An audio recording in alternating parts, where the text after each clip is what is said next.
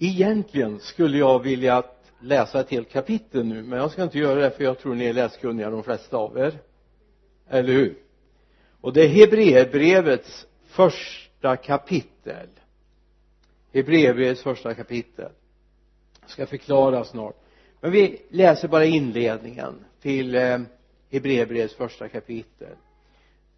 De tre första verserna sedan Gud i forna tider många gånger och på många sätt hade talat till fäderna genom profeterna har han nu i den sista tiden talat till oss genom sin son.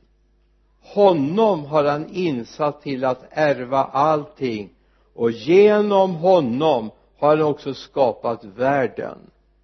Och så kommer en vers som jag tycker är helt underbar sonen utstrålar Guds härlighet och uppenbarar hans väsen och uppehåller allt genom sitt mäktiga ord. Och sedan han utfört en rening från synderna sitter han nu på majestätets högra sida i höjden. Amen. Jag vet inte hur du har fungerat när du var barn. Paulus skriver ju det i första Korinthierbrevet när jag var barn tänkte jag som ett barn och talade jag som ett barn men när jag blev vuxen så har jag lagt av det. Jag vet inte, har du lagt av det barnsliga?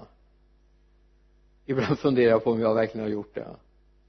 Jag älskar barn och, och de gånger mina våra barn har tagit bilder på mig så har jag ofta suttit ihop med barnbarnen på golvet och lekt med någon mekano eller någonting va? Legobitar eller bilar som funkar med, med fjärrkontroller och sånt. Jag älskar sånt. Vågar inte ens tala om att jag har haft hit en liten helikopter och flugit här med.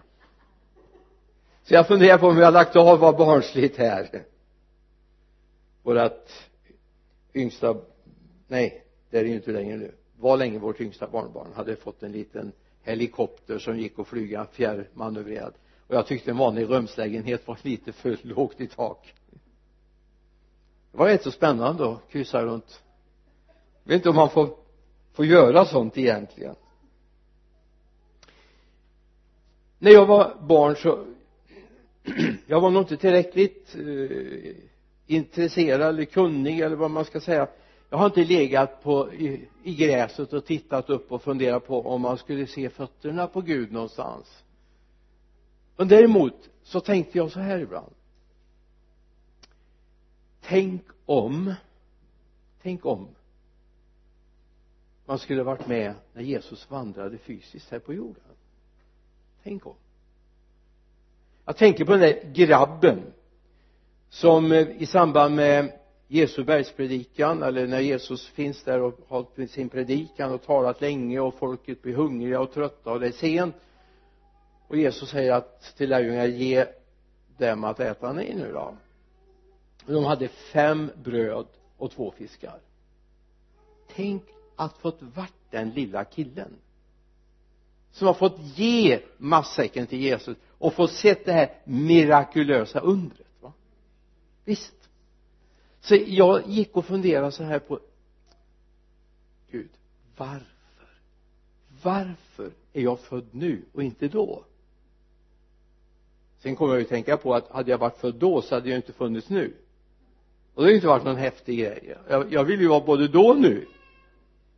Eller tänk att få gått och sett när Jesus gick på vattnet. Eller fått varit Petrus som Jesus bjöd att komma och gå på vattnet med honom. Jag vet inte om du har tänkt så någon gång. Och så tänker man så här illa jag hade velat vara med då. Alltså jag, jag känner är jag helt knäpp som har tänkt så. Ni andra ni är ju så kunniga så att ni förstår ju att så går det men, men så gick jag och tänkte som liten grabb. Och jag vet inte vad mina predikningar handlar om för jag vet att min mor och far har berättat för mig att jag predikade redan i femårsåldern. För pappas krukväxter hemma i växthusen. Jag tror att de överlevde jag har en känsla av det annars hade jag inte fått vara kvar där kan hända det handlar om det här? Jag vet inte. Jag har liksom ingen minnesbild om vad jag själv talade om men underbart var det. Vilka gudstjänster jag hade ihop med pappas grönväxter. Det var inga handuppräckningar för att de var rätt så tröga i det avseendet. Och inte kom de fram heller. Men någonting byggdes upp i mitt hjärta. Och en bild av den Gud som jag ville tjäna byggdes upp i mitt hjärta. Sen slarvade jag bort ett antal år. Men det är en annan predikan och det tar vi en annan gång. När jag blev lite mer vuxen så insåg jag någonting. Det är inte kört. Det är inte kört. Jag kan få gå med Jesus nu med. Amen. Jag kan få gå med Jesus idag han är ju livslevande. Vi har ju precis firat påsk och det var ju liksom inte bara en episod. Jesus uppstod. Han uppstod för att leva i evigheternas evigheter va? Och han finns här tillsammans med dig och mig idag, eller hur? Du vet vad gamla kvinnan sa när de försökte tala om för henne att Jesus inte levde, att det var bara en myt. Märkligt sa hon. Jag pratade ju med henne i morse. Alltså jag önskar att vi hade mera den barnsliga tilliten. Våra böner är inte för att uppfylla en viss kvot av rättfärdighet. Våra böner är för att vi umgås med Gud. Därför ber vi.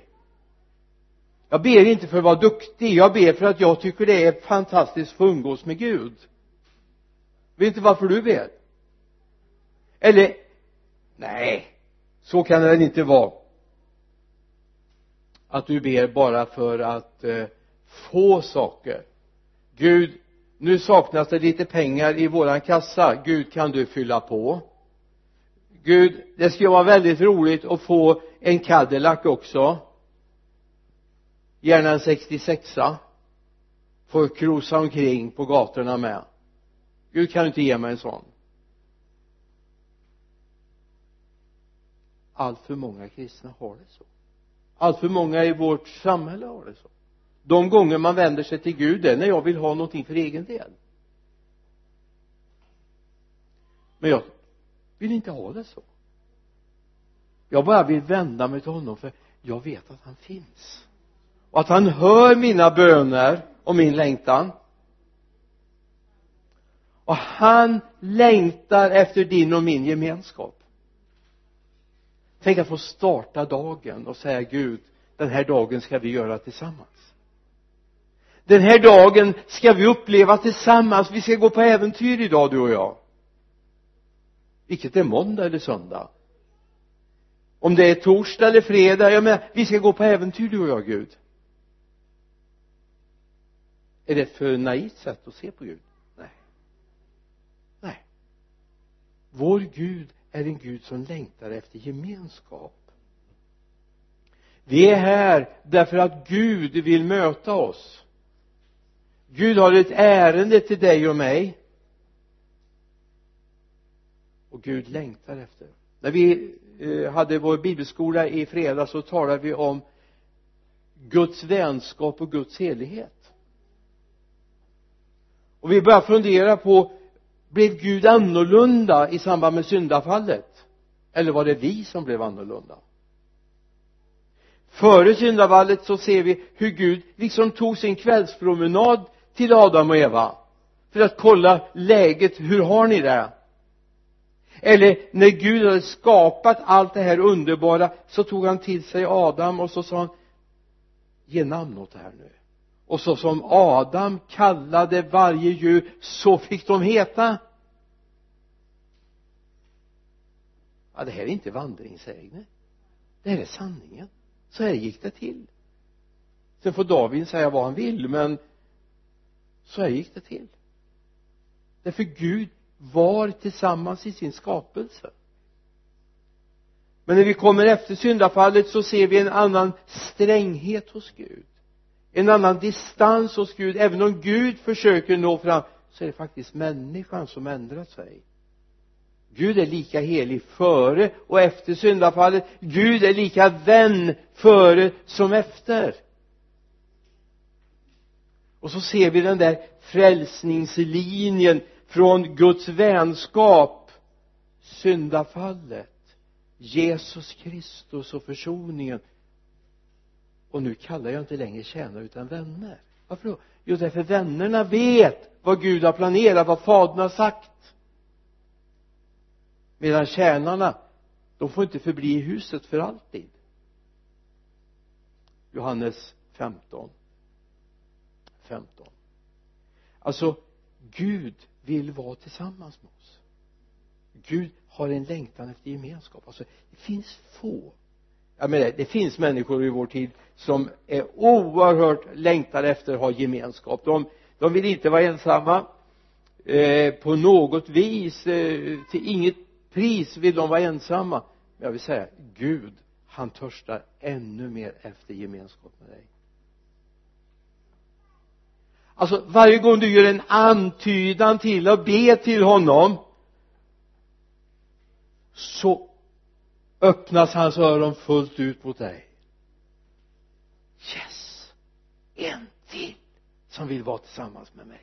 En till som längtar efter gemenskap med mig.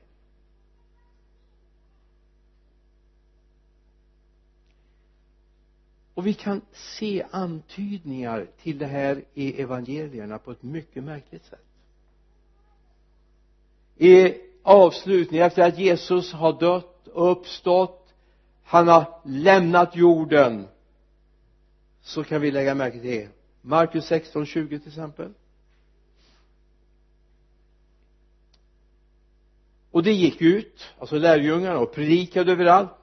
Och Herren verkade tillsammans med dem och bekräftade ordet genom det tecken som åtföljde det. Yes. Herren verkade tillsammans med dem. Lyssna. Säg att eh, någon ber dig vara med i förbön för någon. Eller säger du yes oh jag får vara med och be. Eller säger du ja men du kan väl be någon annan. Jag, jag är så blyg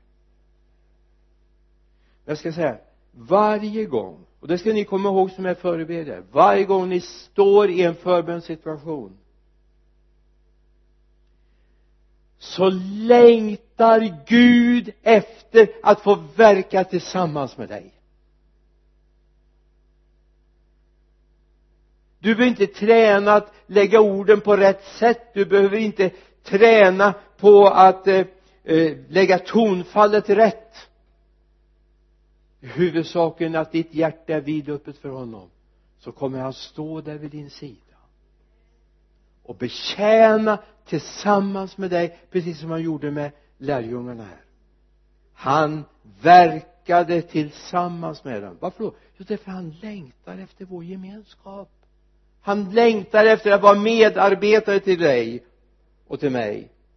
Om vi går till apostlagärningarnas fjortonde kapitel vers 3 så står det om eh, Paulus och Barnabas när de kommer till Ikonium. De fick lite motstånd men i vers 3 står någonting. Paulus och Barnabas stannade där en lång tid och talade frimodigt i Herren som bekräftade sitt nåderika ord genom att låta tecken under ske genom deras händer. Alltså Guds kraft kommer och så går det genom deras händer när de betjänar. Yes. Herren är där. Han gör saker tillsammans med oss. Det handlar alltså oavsett och det skulle Pelle och Anna kunna bekräfta det handlar inte bara om att göra efter bästa förmåga utan det handlar om att göra med Jesus. Endast Jesus, mera Jesus eller vad var det kvinnan sa mera Jesus? Yes. Alltså ibland tänker sig ja men bara jag gör efter bästa förmåga blir det nog bra. Egentligen är Gud väldigt ointresserad av din förmåga hur du hur du ber, hur du ropar, hur du skriker. Det viktigaste är att du har gjort dig beroende av honom. Det är det det handlar om. Paulus skriver i eh, första Korinthierbrevets andra kapitel vi börjar läsa på vers 4 eller i vers 4 kanske det. Heter och då säger han så här och mitt tal och min predikan bestod inte i ord som skulle övertyga genom mänsklig visdom utan genom en bevisning i ande och kraft. Vi vill inte att er tro skulle bygga på människors visdom utan på Guds kraft. Halleluja så det handlar om att det, det är för Guds bästa förmåga det handlar om. Och han gör alltid sitt bästa. Han, han har liksom ingen dimmer han kan vrida ner utan han har bara fullt påslag. Yes. Han har full kraft på om vi bara låter det få flöda genom oss. Så Gud längtar efter att få vara med oss. Gud längtar att få tjäna tillsammans med oss. Gud längtar efter att vi bara säger Gud jag vill vara med dig.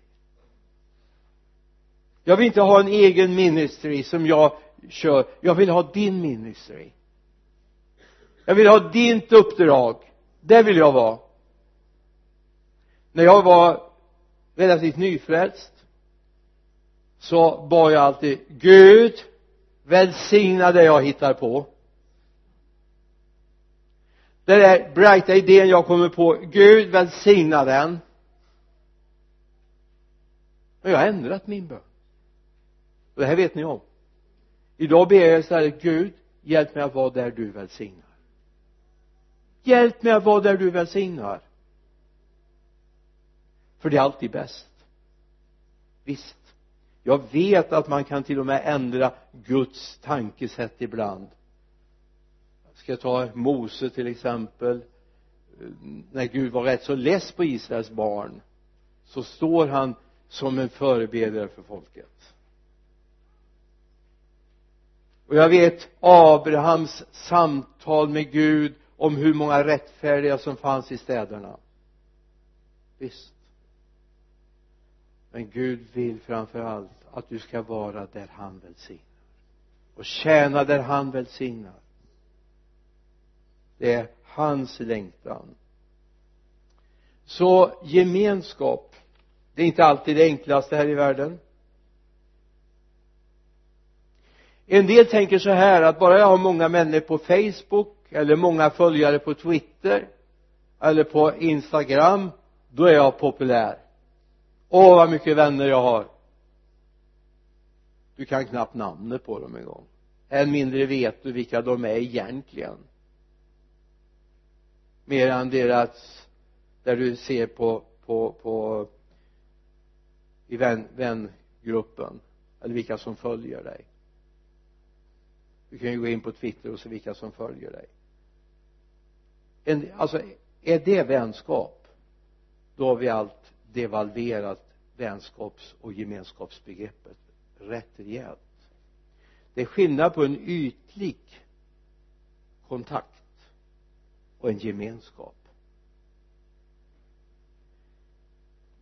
Så verklig gemenskap då börjar den andra att få lära känna mig och vem jag är. Och jag börjar lära känna vem han eller hon är en bra bild på en riktig djup gemenskap det är äktenskapet. Alltså nu är det lite tufft. Nu får ni spänna på säkerhetsbältet här gubbar och damer. För en del lever faktiskt som främlingar i äktenskapen till varandra. Man vet inte vad de tycker om, vad de gillar, vad de vill ha. Man lever i varsin värld. Visst, man delar eh, tidningsprenumerationen och möblerna tillsammans. Men så mycket mer är det inte. Men det är inte Guds tanke. Guds tanke är att vi verkligen ska vara ett. Och det handlar inte bara om den sexuella enheten det handlar om allt. Vi ska dela tillsammans. Det är en bra bild på gemenskap. Gud vill ha gemenskap med oss. Då vill han, förlåt uttrycket, citationstecken han vill inkräkta på dig.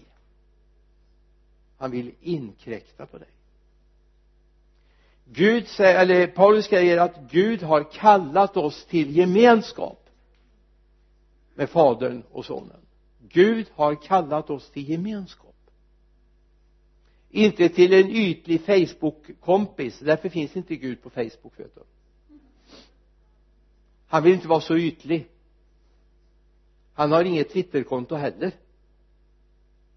Men han är alltid tillgänglig. Jag säger inte att det är fel med Facebook. Ni vet att jag är rätt så flitig där. Men alltså exemplet äktenskapet det handlar inte om en part som flyttar in i hemmet eller blir ett med den andra på den andras bekostnad. Utan det handlar om två parter som inför Gud har sammanvigt jag förutsätter att vi har kristna äktenskap, eller hur? Yes. Är du med? Skulle du nu vara vig på ett annat sätt så Gud välsigne dig. Hoppas att du har bett om Guds välsignelse över det sedan då. Men jag förutsätter då att Gud har fått smält samman där två parter. Båda är beredda att avstå och att ta till sig. Om jag säger men Gud avstår ju inte. Han avstod sin son för dig. Han avstod sin son. Han såg sin son lida för din skull. Säg mig att inte då att utan att det kostade honom ett pris han har verkligen avstått för att du ska bli ett med honom.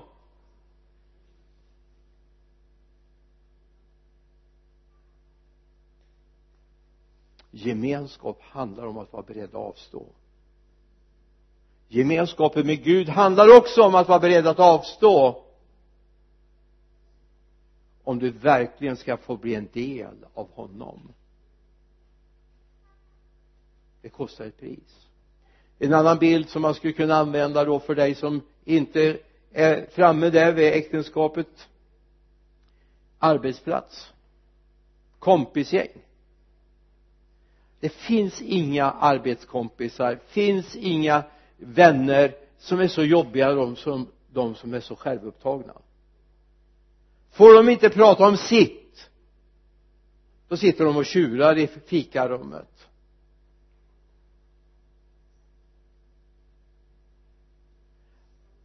Där man verkligen har en tajt gemenskap med varandra. Det är de som tar och ger.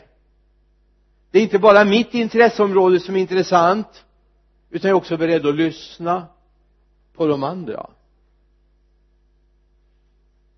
Ja säger du du vet inte vad det handlar om att vara i arbetslivet. Nej det är sant.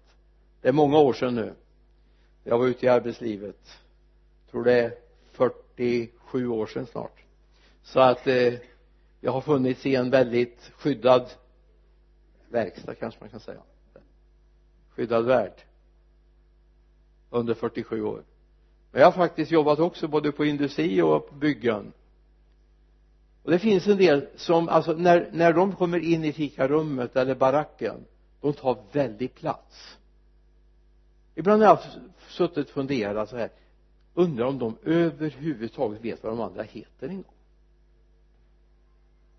Jag är inte säker på att de ens har den minsta aning om var de andra bor eller vad de har jobbat med tidigare hur deras familj ser ut. Därför de tar sån plats. Du i Guds gemenskap så är det inte så att Gud tar massa plats utan Gud fyller oss. Och vi får utgjuta våra hjärtan vi får göra våra önskningar kunniga inför Gud genom åkallan och bön med tacksägelse vi får göra det för han har redan gett sin son till oss. Han har redan gett sin son. Och när vi upptäckte det då, då säger vi så här bön det är inte massa ord. Bön handlar om att lyssna. Gud vad har du att säga till mig? Vad har du på ditt hjärta Gud? Och så börjar han fylla mig med det han har i beredskap åt mig. Vi får ha gemenskap med fadern men det kostar ett pris. Alltså det, det är absolut det värsta man kan säga va i, i det moderna samhället. Jag menar jag vill ha mentaliteten. Den, den slutar inte när man har passerat fyraårsåldern jag har mött 14-åringar, jag har mött 16-åringar, jag har mött 40-åringar, jag har mött 50-åringar jag har mött 70-åringar som fortfarande lever i det stadiet jag vill ha mentaliteten. Jag vill få. Vad får jag för det? I den kristna gemenskapen handlar det om att Gud jag ställer mitt liv till förfogande för dig. Jag ställer mitt liv till förfogande för dig för jag vill ha en tajt nära gemenskap med dig.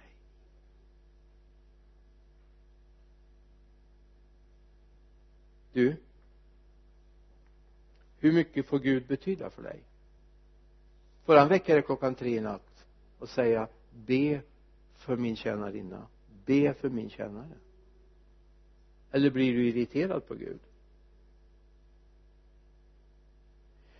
Eller ack hemska tanke. Gud säger du nu får du faktiskt kliva upp ur sängen för det finns faktiskt en man eller kvinna som behöver din undsättning ikväll, i natt. Eller drar du täcket över huvudet och säger men Gud jag måste få sova. Alltså gemenskap handlar om något mer. Ja, men får jag ta äktenskapet igen?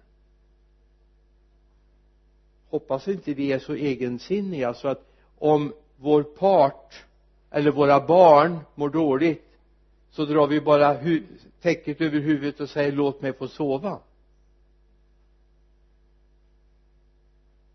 Alltså gemenskap kostar ett pris men det är värt det.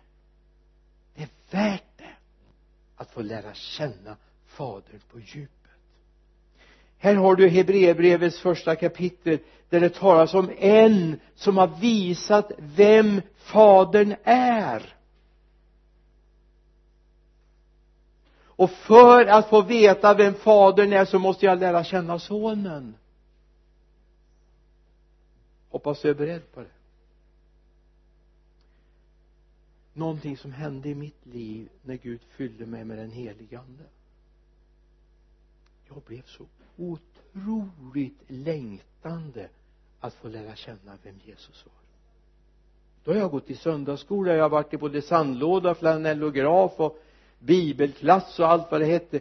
Men jag fick en sån intensiv längtan jag måste få lära känna fadern. Genom sonen jag blev nästan på gränsen till olycklig. Därför jag kände bara wow jag måste få tag i honom. Jag läste min bibel jag bad jag tog tid för att umgås med honom. Därför jag förstod Gud jag vill lära känna dig. Jag fattade att den där längtan jag hade ytliga längtan jag hade som barn det var ingenting mot vad Gud hade i beredskap för mig. Och så började Guds ande att undervisa mig om vem sonen var och när jag fick lära känna sonen så började jag se vem fadern är.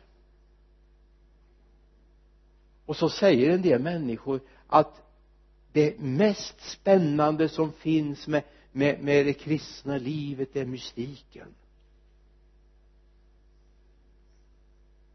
Jag fattar ingenting. Mystik det står ju att det är uppenbarat. Problemet är egentligen att jag inte tar tid att närma mig sonen jag har inte tagit tid för att umgås med den helige ande. Och då är det klart, då blir det mystiskt alltihop. Ja men hur får jag ihop skapelsen och avslutningen och mirakel och under? Då blir det mystik om jag inte får tid att lära känna honom. Vem han verkligen är och vad han verkligen har i beredskap för oss. Paulus skriver, jag bara noterar det förut, i första Korinthierbrevets första kapitel, vers 9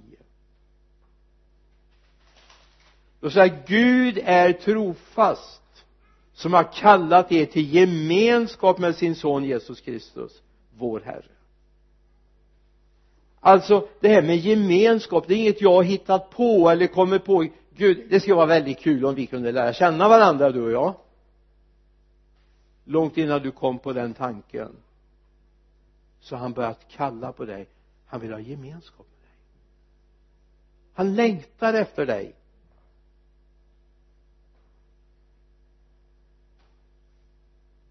Han längtar efter dig. Men kom ihåg om jag ska få tag i den gemenskapen så måste jag ge det tid. Alltså vi är inne i en sån här quick fix värld va? Gud nu stoppar jag in en bönekrona här i automaten så kommer det ut en Coca-Cola. Eller ett bönesvar. Men Gud är inte sån. Gud är väl mer än en automat. Eller hur? Gud är en person som vill att vi ska umgås med honom.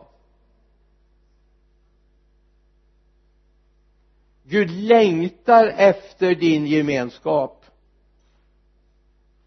Men du måste ta tid med bibeln. När jag var nyfrälst i 18-årsåldern så det första jag gjorde jag gick och köpte mig en rejäl bibel. En rejäl bibel irriterade mina kompisar, jag har berättat förut, irriterade mina eh, kompisar, de var också kristna men de tyckte att jag var jättejobbig. Hade den där bibeln. Den la jag alltid på kafébordet, det var kafékultur på den tiden. Jag citerade ur den, jag läste ur den var vi än var. Och tyckte du behöver inte vara så överspänd. Du kan vara sådär lite lagom kristen. Vi går till kyrkan på söndag förmiddag det räcker väl? Nu är det ju torsdag. Du behöver inte ha bibeln med dig på torsdagen. Men jag behövde det. Jag behövde ha bibeln med mig för det var det käraste jag ägde då.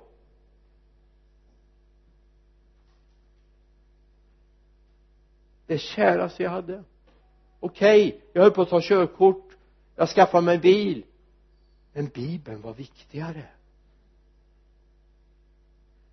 Bilen gjorde ingenting om den hade kvaddats. Vilket jag gjorde ett antal gånger då. Min körskollärare sa att när du har krockat tre gånger då kan du köra bil sa han. Jag har fyllt den kvoten. Det är med lite råge. Så jag kan nog inte köra bil då heller. Men bibeln är viktig. Så att priset den kostar det är faktiskt att du bör umgås med din bibel. Och med de moderna hjälpmedel som finns idag så är det inte svårt att umgås med bibeln. Mp3-spelare har en del va? Yes. Bra. Det finns biblar som är inlästa. Och har du en smartphone så ladda ner your version. Hela nya testamentet i folkbibeln är inläst. Du kan inte säga att du inte kan läsa det var ett av mina problem när jag i, i tonåren skulle börja läsa bibeln. Det fanns inga bilder i bibeln. Jag var ju van med kalanka och Bamse och jag menar så kom man till bibeln. Fanns inte en bild. Barnbibel tyckte jag var lite barnsligt.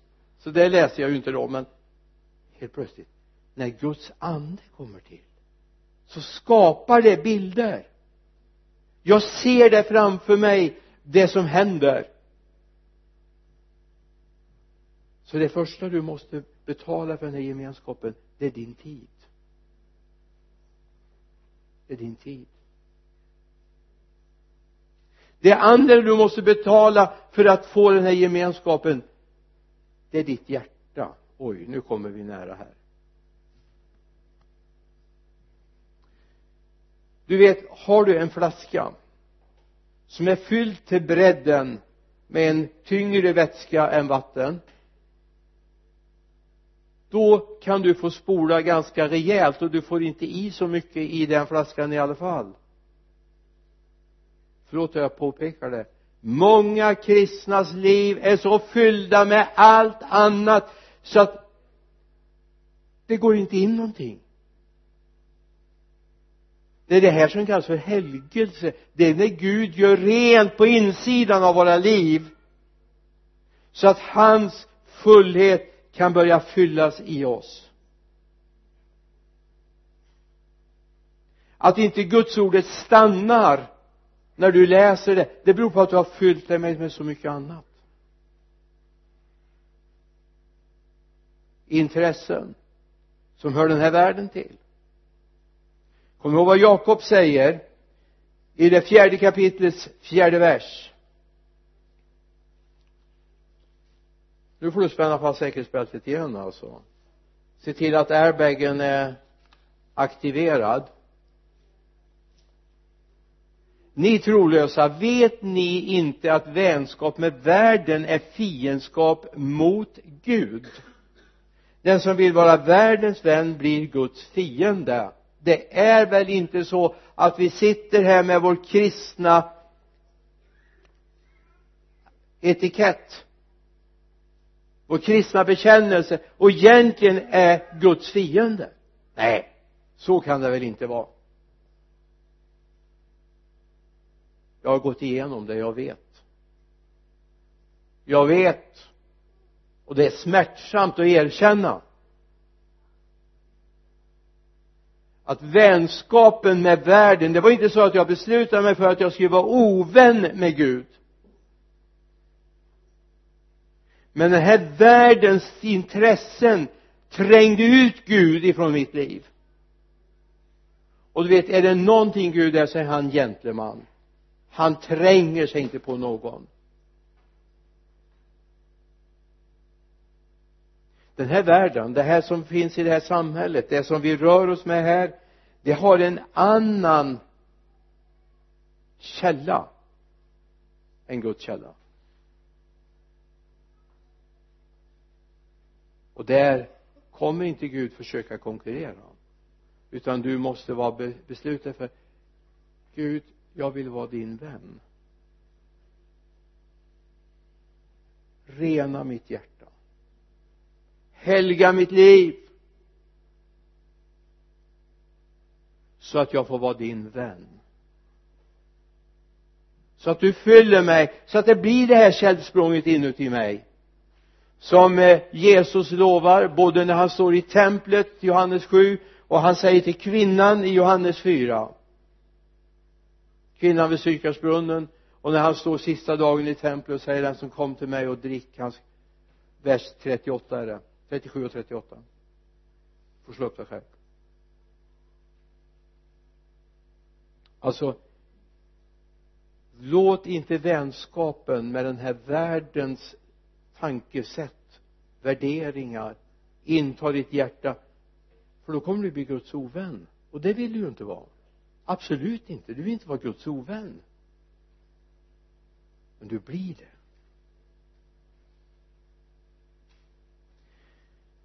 I all gemenskap så kan jag ta äktenskapet igen. Jag är jag är ganska bra på det. Har i alla fall många års erfarenhet i ett äktenskap har vi tillgång till varandra. Eller hur? Det är inte så här att vi åh, är det min tur nu igen? Då skulle Birgitta ha sagt det många gånger. Är det jag som ska göra det igen? Förhoppningsvis kan jag göra någonting också. Men det handlar också om att jag kan be om någonting. Och då är det inte ett krav det är en förmån. När Gud ber om någonting så är det en förmån. När den jag älskar ber om någonting så är det en förmån. Gemenskap med Gud är en förmån. Han kommer ha vilja ha tillgång till mitt liv. Då pratar jag inte om att att den man älskar först och främst vill ha tillgång till bankkontot eller något sånt. Det kan ju vara smart i och för sig då jag har alltid varit fattig och min första evangelisttid så var det Birgitta som underhöll mig. Annars hon arbetar och tjänar pengar och jag tjänar Gud höll på att säga men hon tjänar Gud med sina pengar. Fantastiskt när det kom breven. Det var inte så att jag tyckte det var det mest fascinerande men det, det förutsatte att jag kunde ta bilen och åka och hälsa på henne ibland. Men Gud vill ha tillgång till dig. Paulus säger jag är inte min egen. Jag hör honom till. Nu lever inte mer jag utan Kristus lever i mig. Och det liv jag nu lever i min kropp det lever jag i tron på honom. Filipperbrevet. Alltså gemenskapen med Gud är ett, ett pris att betala. Men när jag väl har betalat det och säger Gud jag skulle aldrig vilja vara utan det. Aldrig.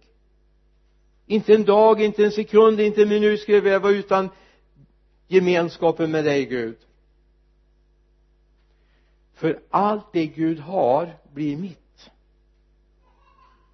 Och så har jag börjat fundera så här ja vem var rikast från starten? Vet du det? Jag gifte, gifte mig rikt. Ja, inte med Birgitta kanske i första hand men med Gud han är rik. Och det finns ett ord som har ringt i mina öron gång på gång. Det är den återvändande sonens berättelse. Det finns en hemmavarande son som blir lite gnällig när den yngre kommer hem och han får liksom upprättelse. Han får eh, festen med gödkalven han får nya kläder han får ring på sin hand skor på sina fötter som alltsammans står för någonting. Men det ska vi inte ta nu det är en annan predikan. Och så kommer han hem och så säger han ja jag har aldrig fått någonting av det här. Aldrig. Då säger fadern min son du är alltid hos mig. Och allt mitt är ditt. Allt Guds är vårt när vi verkligen lever i gemenskap med honom. Allt Guds är vårt också du är rik. Inte på det du kan förtjäna genom eget kraft. Sonen visar på faderns väsende alltså innersta kärnan i Gud. Har du någon gång varit nyfiken på att se hur är Gud egentligen? Hurdan är han egentligen? Nej nej. Äh, vi tar det någon annan gång. Nu, nu var inte jo kanske var någon som var intresserad. Hur är Gud egentligen? Alltså vi skapar oss bilder av hurdan Gud är. Vi tänker ut så här är nog Gud. Problemet med oss är att vi tar mänskliga bilder för att förklara hurdan Gud är en snäll far. En eh, snäll granne eller en snäll vuxen som ställer upp. Och det kanske håller en bit. Men Gud är större än så. Jesus har kommit för att uppenbara hans väsende. Hans innersta väsende. Idag lever jag i en längtan Gud jag vill veta mer om ditt innersta väsende hurdan du är. Jag vill veta mer. Jag kan ju säga så här ja men jag har ju mött en hel del jag har lagt märke till hurdan Gud är. Men jag vill veta mer. Jag vill veta mer om vem du är.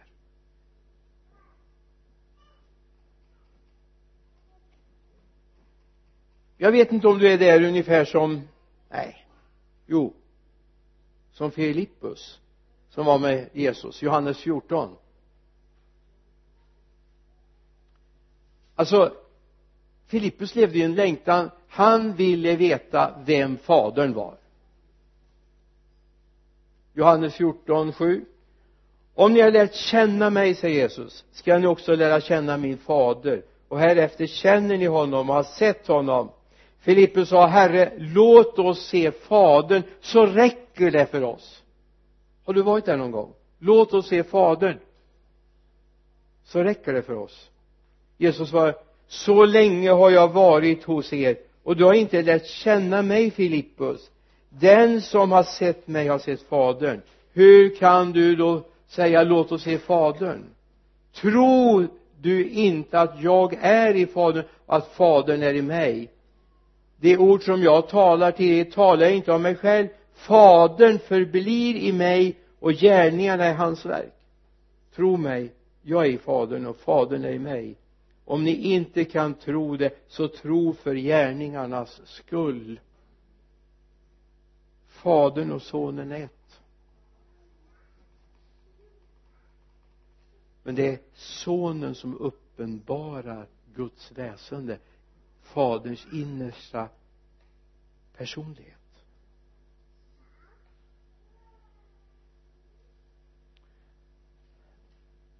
Jag ska säga det är värt priset att ta tid för att lära känna både sonen den helige ande men framförallt fadern.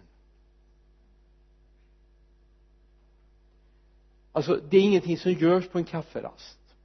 Det är inget man gör så där bara quick fix. Utan det tar tid. Precis som om du ska lära känna en människa det tar tid. Namn, språk utseende ja men det kan vi klara ganska snabbt. Men vem är han, vem är hon egentligen? Så är det också med fadern. Det tar tid att lära känna fadern. Det gör det genom att du släpper in Jesus i ditt liv det kommer förvandla hela din personlighet.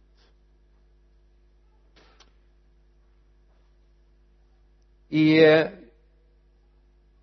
första Johannesbrevets första kapitel vers 3 och vers 4 tar vi med. Där vi har sett och hört förkunnar vi för er för att också ni ska ha gemenskap med oss. Och så kommer det. Och vår gemenskap är med fadern och hans son Jesus Kristus. Och detta skriver vi för att vår glädje ska vara fullkomlig. Vår gemenskap är med fadern och hans son Jesus Kristus. Du låt mig bara få gå landning nu. Min längtan är att du ska besluta dig idag för jag vill ge Gud tid i mitt liv. Jag vill säga yes till den helige ande precis som Anna beskrev här förut. Den helige ande är till för dig den helige ande är till för att du ska lära känna gudomen dess fullhet, din plats men också kunna tjäna honom.